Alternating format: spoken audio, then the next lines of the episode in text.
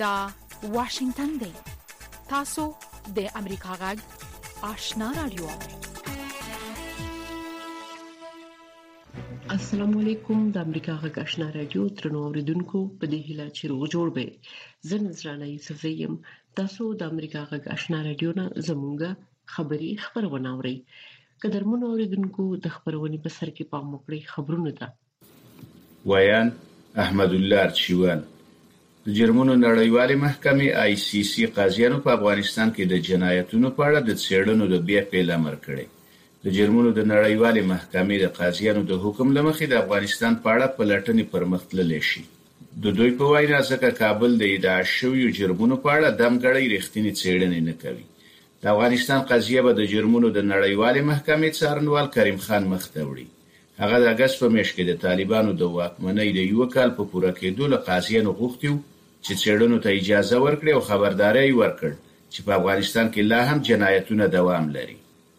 د امریکا د بهرنیو چارو وزارت وايي، په کابل کې د القاعده شبکې د مشر ایمن الظواهري له وژل کېدو وروسته طالبان باید د نړۍ باور خپل کړي او دوی دا کار یوازې د خپلو کړنو له لارې کولی شي. نیډ پرایس پرون رسنیو ته وویل، په کابل کې د القاعده شبکې مشر ته په پناه ورکولو سره طالبانو د دوحې تړون او له نړیوالو سره د افغانستان د خاورې د خوندیتوب په اړه له خپلو کړنو ژمنو سرغړونه کړې د پرایس په خبره، دوی روښانه کړې، چې امریکا او نړیوال متحدین به اجازه ورنه کړي، چې افغانستان یو ځل بیا د ترهګرو لپاره په خوندي پټنځای بدل شي او امریکا او نړیوالو همکارانو ته یې ګواښ پېښ کړي. د ملګروملتونو سازمان له نشه يي موادو او جرمونو سره د مبا رزې اداره وايي، په روان کال کې په افغانستان کې د کوکنارو کښت یو په درېیمه برخه زیات شوی. د ملګرو ملتونو سازمان له نشهيي توکو او جرمونو سره د مبارزې اداره وايي، په افغانستان کې د کوکنارو کښت د تېر کال په پرتله دوه دېرش سلنه زیات شوی. دې ادارې نن په خپل تازه راپور کې لیکلي، سږکال په ټول افغانستان کې په دوه سوه درې دېرش زره هکټاره ځمکه کوکنار کرل شوي چې د تېر په پرتله یو په درېیمه برخه زیاتوالی ښيي. په زابل ولایت کې پرون په یوه ترافیکي پېښه کې د کوچنیانو په ګډون شاوخوا دېرش تنه ټپیان شول. د زابل ولایت د عامې روغتیا رئیس ډاکټر عبدالحکیم حکیمي وايي چې په دې پېښه کې یو مازدا موټر له یوه ټانکر سره ټکر شوی. حکیمي زیاته کړې چې ټپیان د قلات روغتون ته لېږدول شوي او د ځینو روغتیايي وضعیت د اندېښنې وړ دی. په زابل ولایت کې تر دې وړاندې هم ورته پېښې رامنځته شوي چې اصلي لامل یې د موټر چلوونکو بې احتیاطي او د سړکونو خرابوالی بلل شوی. له امریکا غږ څخه خبرونو ته دوام ورکوو. د ایران پلازمېنې تهران چارواکو خبر ورکړی، چې د حکومت ضد لاریونوالو شاوخوا زر کسان یې د ناامنۍ خپرولو په تور محکوم کړي. په ایران کې دا مهال مظاهره چیان د ناامنۍ خپرولو، امنیتي ځواکونو وژلو اورونو اچولو او سوځولو په تور د ډله ییزې نیونې او محاکمې له ګواښ سره مخ دي. له هغه مهال راهیسې چې په ایران کې خلک لاریونونو ته راوتلي، د حکومتي ځواکونو له خوا د نیول شویو کسانو کره شمېره نه ده معلوم، خو حقوقي فعالانو د نیول شویو کسانو شمېر له څوارلس زرو کسانو لوړ یاد کړی. روسیه او مالدووا له خپلو خاورو د یو بل دیپلوماتان ایستلي، په دې اړه زما همکار راپور راکوي. پرون د لومړي ځل لپاره ملداوا وروسته تر هغه د روسیې یو ډیپلوماټ اخراج کړ چې د اوکراین لخوا د روسیې یو پرځول شوی توغندی د ملداوا د شمال په وکیل کې راپریوت د توغندي غورځېدو که څه هم مرګ ژوبله وانه ډوله خو سیمه کې د څو کورونو کړکۍ ماتې کړې دي د ملداوا لخوا د روسي ډیپلوماټ تر اخراج څو ساعته وروسته ماسکو هم اعلان وکړ چې یو ملداویایي ډیپلوماټ یې اخراج کړ غورځنګ د امریکا غږ واشنگټن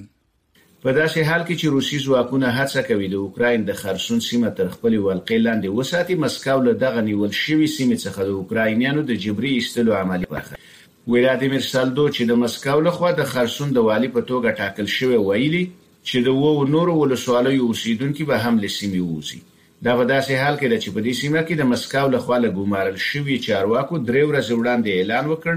چې له خرسون څخه د خلکو د ایستلو عملیات پای ته رسېدلي. د لوبو له ډګره وروستۍ خبر دا دی چې د افغانستان او سریلانکا د کرکټ د ملي لوبډلې ترمنځ د نړیوال شل اووریز جام د لوبو په لړۍ کې سیالي د سریلانکا په بریا سره پای ته ورسېده. افغانستان سریلانکا ته د یو سلو پنځه څلوېښت منډو هدف وټاکه، او د سریلانکا لوبډله په نولسم اوور کې د څلورو لوبغاړو په سوځېدو سره دې هدف ته ورسېده. افغان لوبډله د جمعې په ورځ له کوربه استرالیا سره هم لوبه کوي، خو په نړیوال جام کې د پاتې کېدو هیلې یې تقریباً له مینځه تللي. دا و د دې ساعت خبرونه چې تاسو ته هم په واشنګټن کې د امریکا غږ له سټوډیو وړاندې کړل. د امریکا غږ آشنا رادیو درنو اوریدونکو! تاسو کولای شئ د امریکا غږ آشنا رادیو خبرونه په منځنوي سپو 12 شپږ نوي او 902 کیلو هرتز او لنډې چپې 11515 باندې واورئ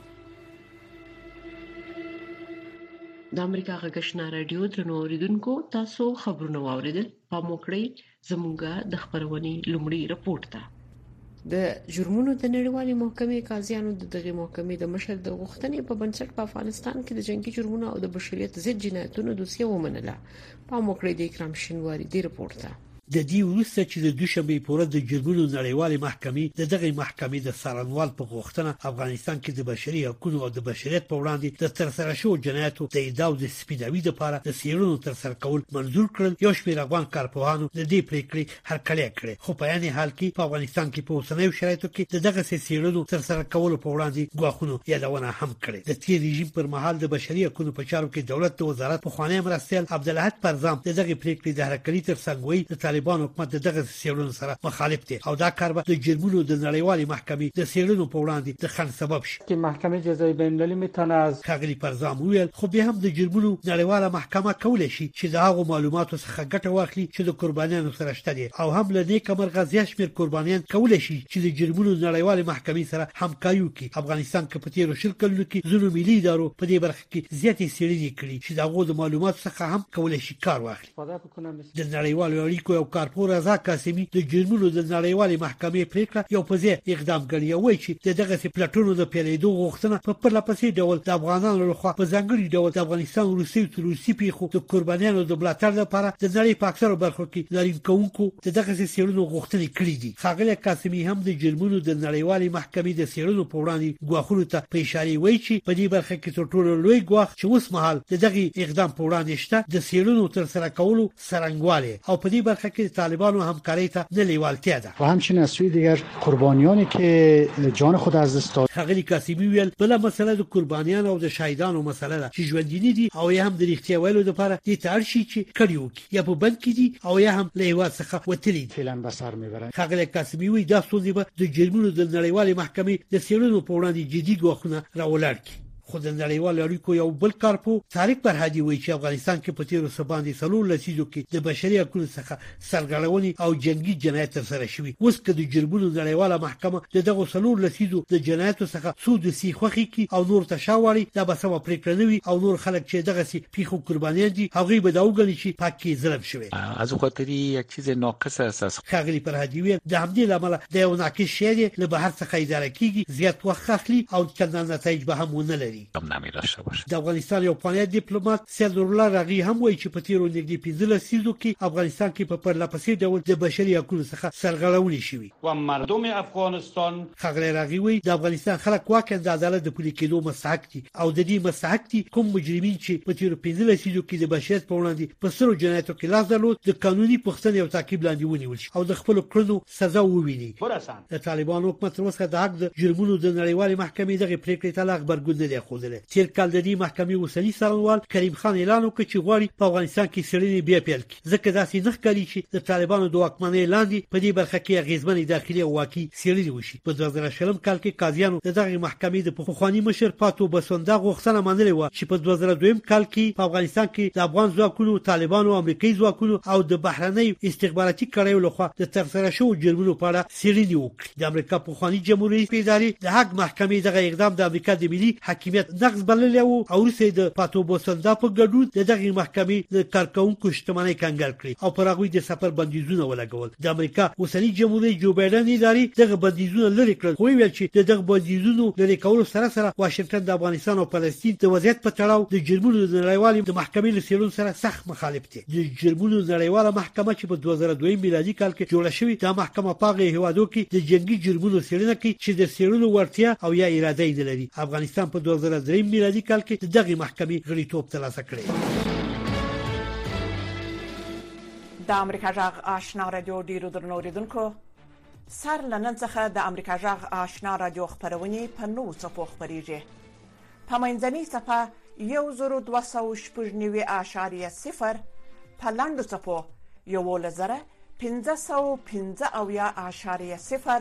او نهه سوه دوه اویا کیلو هرتز د امریکا غږ آشنا رادیو اورېدلی شئ. د جرمونو د نړیوالې محکمې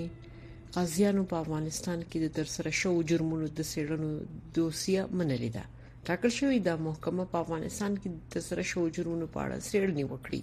د بشري حقوقو سازمان وایي د جرمونو نړیواله محکمه باید د څېړنو په مهال په افغانستان کې د ټولو اړخونو لخوا تر سره شوو جرمونو ته رسیدګي وکړي د سیناکاری چې طالبان د جرمونو د نړیوالې محکمې سره همکاري وکړي د یادې محکمې قاضیان ویل چې تر اوسه یې څو ځله د طالبانو د معاملاتو غوښتنې کړې دي خو ټولې غوښتنې تر اوسه بې ځوابه پاتې دي پام وکړئ دې رپورټ ته. د جرمونو د نړیوالې محکمې قاضیانو د دغه محکمې د مشر د غوښتنې پر بنسټ په افغانستان کې د جنگي جرمونو او د بشریت ضد جنایتونو دوسیه ومنله. د دې محکمې قاضیانو ویلي چې په افغانستان کې چارواکي د ادعا شویو جرمونو په اړه دقیقې څېړنې نه کوي. تیر کال د دې محکمې اوسنی څارنوال کریم خان اعلان وکړ چې غواړي په افغانستان کې څېړنې بیا پیل کړي ځکه داسې نه ښکاري چې د طالبانو د واکمنۍ لاندې په دې برخه کې اغیزمنې داخلي او واقعي څېړنې وشي این محکمه هر چه عاجل باید در رابطه به وضعیت افغانستان تحقیقات خودش رو بکنه جرایم حولناک ضد بشری و جنگی که در افغانستان اتفاق افتاده نباید بدون بررسی و بدون تحقیق باقی بمانه و کسایی که مرتکب از جرایم شده از هر طرفی که باشه باید مورد پیگر قرار بگیرد په 2020 کال کې قاضیانو د دې محکمې د پخوانی مشري فاتو بنسودا غوښتنه منلې و چې په 2002 کال کې په افغانستان کې د افغان ځواکونو طالبانو امریکایي ځواکونو او د بهرنیو استخباراتي کړیو لخوا د ترسره شوو جرمونو په اړه څېړنه وکړي د امریکا پخوانی ولسمشر ډونالد ټرمپ ادارې د هاګ محکمې دغه اقدام د امریکا د ملي حاکمیت نقص وباله او وروسته د فاتو بنسودوا په ګډون د دغه محکمې د کارکونکو شتمنۍ کنګل کړې او پر هغوی د سفر بندیزونه ولګول د امریکا د اوسني ولسمشر جو بایډن ادارې دغه بندیزونه لرې کړل خو وی ویل چې د دغو بندیزونو له لرې کولو سره سره واشنګټن د افغانستان او فلسطین د وضعیت په تړاو د جرمونو د نړیوالې محکمې له عملیاتو سره سخته مخالفه ده. بلخوا د بشري حقونو څار سازمان وایي د جرمونو نړیواله محکمه باید د څېړنو پر مهال په افغانستان کې د ټولو اړخونو لخوا د ترسره شویو جرمونو څېړنه وکړي. د جرمونو نړیوالې محکمې په افغانستان کې د عدالت تامینولو لپاره ځانګړی فرصت وړاندې کړی دی، چیرته چې اوس حساب ورکونه په بشپړه توګه لادرکه ده. د عدالت د تامین لپاره اړتیا ده چې د جدي جرمونو په څیړنه کې د متحدو ایالتونو د ځواکونو په ګډون په جګړه کې د ټولو اړخونو او ان که ځواکمن هیواد هم پکې شامل وي وڅیړل شي. تر دې مخکې ملګرو ملتونو او ګڼو نورو نړیوالو سازمانونو په افغانستان کې د وژنو په اړه اندېښنه ښودلې ده په څه باندې یو کال کې چې پر افغانستان طالبان حاکم شوي دي د دوی لخوا د پنشیر او سپین بولدک په ګډون په ځینو برخو کې د خپلو مخالفینو او پخوانیو سرتیر د وژلو په اړه هم راپورونه ورکړ شوي دي خو طالبانو رد کړی دي There was a suspicion داسې شک و چې ملکي کسان د مقاومت جبهې سره د لاس لرلو په تور ځورول شوي او تر فشار لاندې دي ما د ځینو مواردو په اړه معلومات ترلاسه کړل زه اوس پر هغه بحث نه کوم خو ویل شم چې دا موارد د اندېښنې وړ دي خو دا باید په یاد ولرو چې د جګړې پر مهال کې دا شي ټول اړخونه په دغه شان مواردو کې دخیل وسی په جګړه کې ټول دخیل اړخونه باید له زغم څخه کار واخلي، نړیوالو بشردوستانه قوانینو او د بشري حقونو قوانینو ته دې درناوی وکړي. د جرمونو نړیواله محکمه چې په دوه زره دویم کال کې جوړه شوه، په نړۍ کې لومړنۍ محکمه ده چې جنګي جرمونه، د بشریت ضد جرمونه او نسل وژنې تعقیبوي. دا محکمه په هغو هېوادونو کې د جنګي جرمونو څېړنه کوي چې د څېړلو وړتیا او یا اراده یې نه لري افغانستان په دوه زره دریم کال کې د دغې محکمې غړی شو. وحید فیضي، امریکا غږ.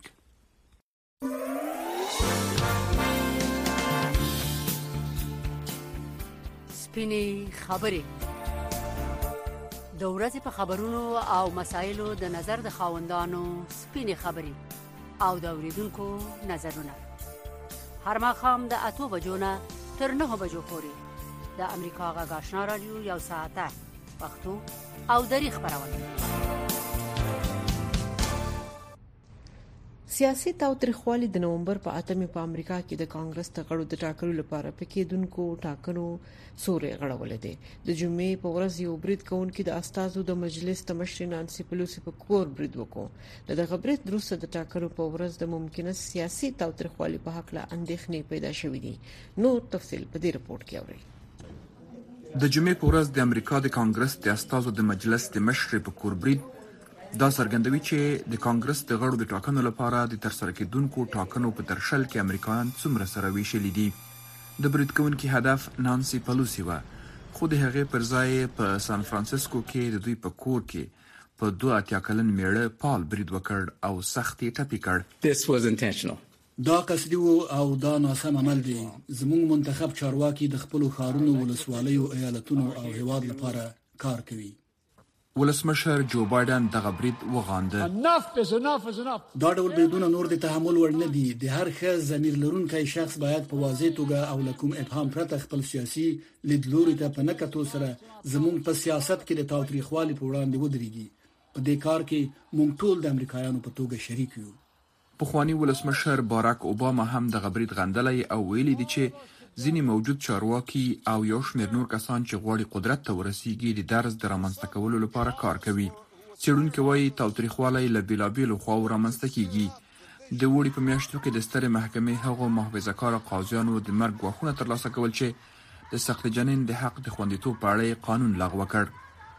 جمهوري غوښتونکو هم خپل اندېښنه څرګنده کړې ده د سنا د اقلیت مشر مچ مکانل هم په یو ټویټ کې د اغلې پلوسی له کورنۍ سره خواخوږي څرګنده کړې ده پخواني مرستیال ولسمشر مایک پنس په یوه ټویټ کې لیکلي دي چې د دولتي چارواکو او د دوی د کورنیو پر ضد تاوتریخوالی د تحمل وړ نه دی. پخواني ولسمشر ډونالد ټرمپ له لنډې خاموشۍ وروسته دغه برید یو خراب کار بللی دی. ټرمپ د 2021 کال د جنورۍ په شپږمه وروسته له هغه له ټویټر څخه لرې کړل شو چې د دغه شبکې د چارواکو په نظر پیغامونو یې پلویان د امریکا په کانګرس باندې برید کولو ته هڅول. ټرمپ ادعا درلوده چې د 2020 کال په ټاکنو کې د ده د ناکامولو په خاطر درغلي شوې وه. د هغه ځینو ټویټونو د هغه مرستیال مایک پنس چې د رایو د تصدیق په پروسه کې د ټرمپ په پلوي له کار کولو انکار وکړ، په نښه کاوه. ځینې منتقدین د کانګرس د غړو د ټاکنو لپاره په کېدونکو ټاکنو کې ټرمپ د تشنج د فضا په رامنځته کولو ګرم بولي. امریکايي میلیارډر ایلن ماسک چې څو ورځې مخکې یې ټویټر وپېروده، د اغلي پلوسي په خاوند باندې د برید په اړه د یوې بې اساسه اوازې په هکله یو لینک ټویټ کړ، خو وروسته یې دغه لینک ځکه لرې کړ چې د منتقدینو په خبره د برید په اړه یې ناسم معلومات خپرول. ښاغلي ماسک داسې اشاره رسولې چې دی به ټرمپ بېرته ټویټر ته راولي. ټویټر ته د ترامپ د بیرته راتلو احتمال ډیر خلک اندیښمن کړي دي. دوی وايي د ترامپ راتګ به اوسنی قطبي شوی چاپیریال نور هم خراب کړي او موجوده شدیده لفاظي به تاوتریخوالي ته لاره هواره کړي او په راتلونکي کې به د نور تاوتریخوالي سبب شي. د عدلې وزارت ژمنه کړده چې ټولو ته به د ازادې او منصفانه رأی اچونې زمینه برابره کړي او د رأی ورکوونکو تهدیدول به تحمل نه کړي. په اریزونا کې چارواکو وروسته له هغه د رایو د صندوقونو او رایې ورکوونکو د خوندیتوب لپاره اقدامات زیات کړي دي چې ځینو خلکو رایه ورکوونکي ګواښلي دي. د ویسکانسن په ایالت کې د ټاکنو کارکوونکي د ټاکنو د یوې سختې ورځې لپاره چمتووالی نیسي. شنونکي وایي د افراطیانو د ګواښونو په وړاندې غوره لار په ټاکنو کې د لا زیاتو خلکو ګډون دی. خلکو ته پکار ده چې په سیاست کې ونډه واخلي، په هرې اندازې چې زیات خلک په سیاسي پروسې کې برخه واخلي، زموږ سیستم به هماغه اندازې غښتلی وي او دا به افراطي غږونه غلي کړي. په همدې خاطر خلک باید رایه ورکړي، دوی باید خپل نظریات په سوله ییز ډول وښيي او که افراد دغه کار وکړي، زموږ هېواد به په یوه ښه موقعیت کې وي. د نومبر اتمه نېټه د ټاکنو ورځ ده، خو د وختي رایه ورکولو پروسه لا له مخکې په ټول هېواد کې پیل شوې ده. مومن خان واحدي، د امریکا غږ، واشنګټن. د امریکا غک آشنا رادیو درنو اوریدونکو تاسو کولای شئ د امریکا غږ آشنا رادیو خبرونه په منځنوي سپو 12 شپږنوي او 902 کیلو هرتز او لنډ چپی 11515 باندې واوري د اصلي امریکایانو د لباسونو پلور په نړیواله کچه مخ پر وده دی د امریکا غږ خبريال سکاټ سټرنز د امریکا په کولورادو ایالت کې د اصلي امریکایي فیشن یا لباسونو په نندارتون کې د ځایي ډیزاینرانو سره ولیدل تاسو ته دغه رپورت زه دراوړم انجلا هوپرش په ډنور کولورادو کې د کلچر د وی برخې په توګه د جامو ډیزاینونه وخول چې د کورنۍ او دودونو نه پکې الهام اخیستل کیږي زما د جامو د ډیزاین الهام زما د قبيله ناراضي زه د قبایلو جیومټریک ډیزاینونه او د ګلانو ډیزاین لرم او له همدې ځای نه زه الهام ترلاسه کوم. ډیزاینر ډنټ بیس ګریسن وايي، فیشن اصلي امریکايي کلتور ته وده ورکوي. دا یو لوړ پلاتفورم دی چیرته چې موږ کولی شو ووایو، موږ ځواکمن شوي یو، موږ لا هم دلته یو او موږ کاروبار ته پام کوو. زه د میدانونو نه د ربن کار ګورم او له دې نه ډیر الهام ترلاسه کوم خو دا هم د هر چا لپاره ډیزاین شوی نو د ربن کار د درملو برخه ده زما لپاره زه دا غنم چې مونږ ټول په دې خونه کې جنگیالي یو یا کوم مونږ ټول هلته د کوونکو په توګه یو یا مونږ په لومړی کرخه کې یو ډیزاینر سیج ماونټن فلاور خپل فیشني ډیزاینونه په اصلي امریکایي کمپلو کې وخول دا او زما یو مشهوره ټوټه ده دا یوازې د دې خودلو لپاره دي چې موږ څنګه په خپل کلتور کې کمپلې اغوستې تاسو په حقیقت کې خپل ځان زما په کلتور کې پوښی او دا چې زه څوک یم او د کوم ځای نه راغلی یم د امریکا اصلي فیشن دومره مشهور شوی چې د ماونټن فلاور ډیزاینونه په میلان پاریس کې د سکال فیشن اونۍ کې وښول شول دلته واقعا چې زمونږ فیشن زیات دی مونږ په خپل ځان ویاړ کوو مونږ ویاړو چې مونږ څوک یو مونږ ویاړو چې له کوم ځای نه راغلي یو موږ به په خپل کې دا شریکوله خو موږ دا اوس د نړۍ سره شریکوو کلی هومز د اصلي مکس مجلې بنسټ ایښودونکې ده. دغه مجله په داخلي کلتور او استعداد تمرکز کوي. موږ همدا اوس د بیا راژوندي کېدو په حال کې یو او موږ غواړو خپل موجودیت بیا احساس کړو او اصلي فیشن یقینا همدغه لاره ده. دا د کلتور د ساتنې او بیان یوه بڼه هم ده نو زموږ لپاره فیشن خورا مهم دی. ډیزاینره نورما بیکر فلاینګ هارټس وايي، فیشن د اړیکې ساتلو وسیله ده. که تاسو د هر کلتور سره تعلق لرئ او یا هره ژبه وایئ، فیشن ستاسو سره خبرې کوي. دا ډېر تقویت بښونکې ده چې دا دومره خلک راغونډوي چې دې نندارې ته راشي. د فیشن دا ننداره د هغه نندارتون برخه وه چې د راکي ماونټینز ایالتونو د قومونو اصلي امریکایي هنرمندان پکې برخه اخلي نظرانه یوسف سي امریکا غږ واشنگټن ټول د حقایقو د پیدا کولو په لټه کې امریکا غږ په نړۍ کې د موثقو معلوماتو په برخه کې نړیوال شهرت لري امریکا غږ په نړۍ کې د ټولو لپاره د خبرونو باوري سرچینه ده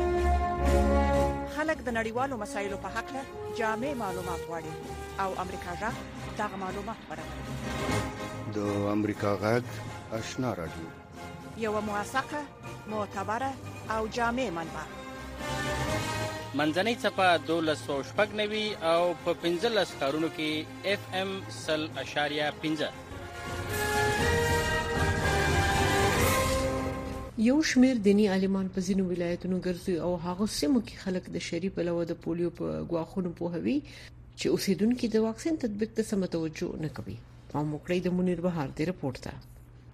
که څه هم افغانستان کې د ګوزڼ مخنیوي لپاره د رسنیو ترڅنګ ګڼ شمېر رضاکارانو خپل فعالیت جاري ساتلی، خو دیني عالمان هغه څوک دي چې د منبر له لارې په ټولنه کې له پراخ نفوذ برخمن دي. همدې نفوذ ته په کتو یو شمېر دیني علاما په ځینو ولایتونو ګرځي او عموماً هغو سیمو کې خلک د پولیو ویروس په ناوړه ګواښونو پوهوي چې د واکسین تطبیق ته پکې کمه پاملرنه کېږي. مفتي احسان الحق حنفي د همدې علماوو له منځه یو دی. چې تازه د جنوب ختیځ زون په مختلفو ولایتونو کې خلکو ته د ګوزڼ له پوهاوي راستون شوی. نوموړی وايي، په ولایتونو د ګرځېدو هدف یې دیني عالمانو او عامو خلکو سره د پولیو د مخنیوي په اړه په شرعي بحث او دلایلو ورټول وي. زه همدغه اوس هم د پکتیکا په ولایت کې وم او تازه راګرځېدلی یم چې مختلفو ولسوالیو ته پکې لاړو لکه برمل ته، سروبي ته، ارګون ته، سرحوزې ته، په دې کې وګرځېدلو ډېر کم داسې خلک مو ولیدل چې هغوی یو څه شکوک او شبهات لرل د پولیو په برخه کې په ډېرو سیمو کې علما کرام همکار دي ملګرتیا کوي او د هغوی ذهنیتونه الحمدلله جوړ دي د نوموړي په وینا د لرې او وروسته پاتې سیمو کم شمېر خلک داسې شته چې لا هم د مختلفو عواملو په سبب له شک او شبو سره مخ دي. مفتي احسان الحق وايي، د دیني عالمانو په ډله کې هم د یو شمېر علماوو ناسم ذهنیت او کم سوادي د دې لامل شوی چې په ځینو سیمو کې خلک د پولیو له واکسین انکاري شوي دي. لږو سیمو کې کله داسې ورونه په علما کرامو کې پیدا کیږي چې هغوی یا په پوره ډول باندې دغه موضوع ته لاسرسی لري یا یو غلط ذهنیت اخیستل شوی دی او یا په شرعي او طبي لحاظ باندې مطالعه کمزورې او ضعیفه ده له بلې خوا عام وګړي د دیني علماوو رول د پولیو او ګڼ شمېر نورو مسایلو په اړه اغېزمن یادوي. د انیس په نامه د خوست یو اوسېدونکی وايي چې که ټول په شریکه خپل دیني رسالت ادا کړي، ټولنه له بدبختۍ ژغورل کېدای شي. دا ډېر ښه اقدام دی، ځکه دیني علما کولای شي د خلکو ذهنیت نه یوازې د پولیو په باره کې، بلکې د نورو ډېرو موضوعاتو په اړه سمې خوا ته راګرځولی شي. زموږ په ټولنه کې بعضې دیني عالمان او بعضې نور اشخاص موجود وو چې د پولیو واکسین په اړه به یې خلکو ته غلط ذهنیت ورکولو اوس چې ګورم اکثره دینی عالمان په دې برخه کې د پولیو واکسین ټیمونو سره همکار دي خلک ته د ذهنیت ورکوي چې تاسو خپل ماشومان ته پولیو واکسین تطبیق کړئ کم سوادي، د ناسمو معلوماتو انتقال، د پوهاوي نه لرل، په ټولنه کې د مختلفو افواهاتو خپرېدل او په هغې د خلکو باور د ګوزڼ په روانه مبارزه کې له لویو ننګونو بلل کېږي چې لا یې هم د افغانستان د لرې پرتو سیمو وګړي تر اغېز لاندې دي. منیر بهار امریکا غږ اشنا راډیو خوست.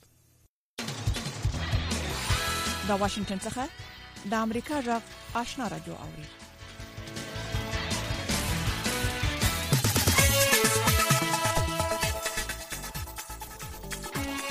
د جرمونو د نړیوالې محکمې آی سی سی قاضیانو په افغانستان کې د جنایتونو په اړه د څېړنو د بیا پیل امر کړی د جرمونو د نړیوالې محکمې د قاضیانو د حکم لمخې د افغانستان په اړه پلټنې پرمخ تللی شي.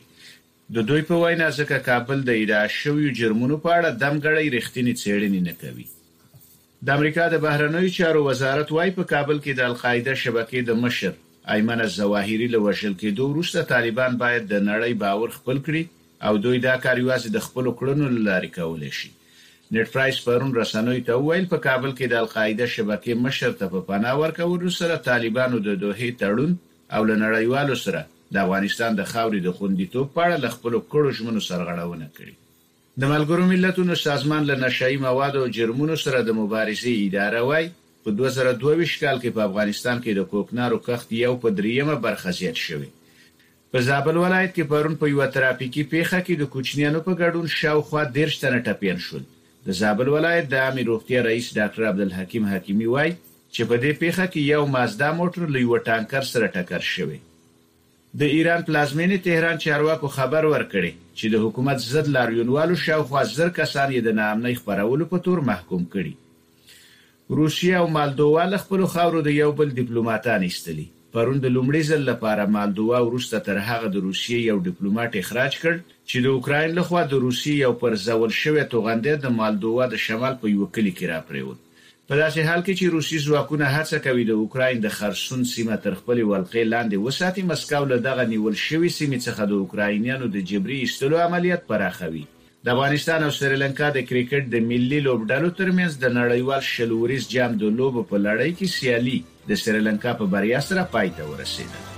د خبرونو پای.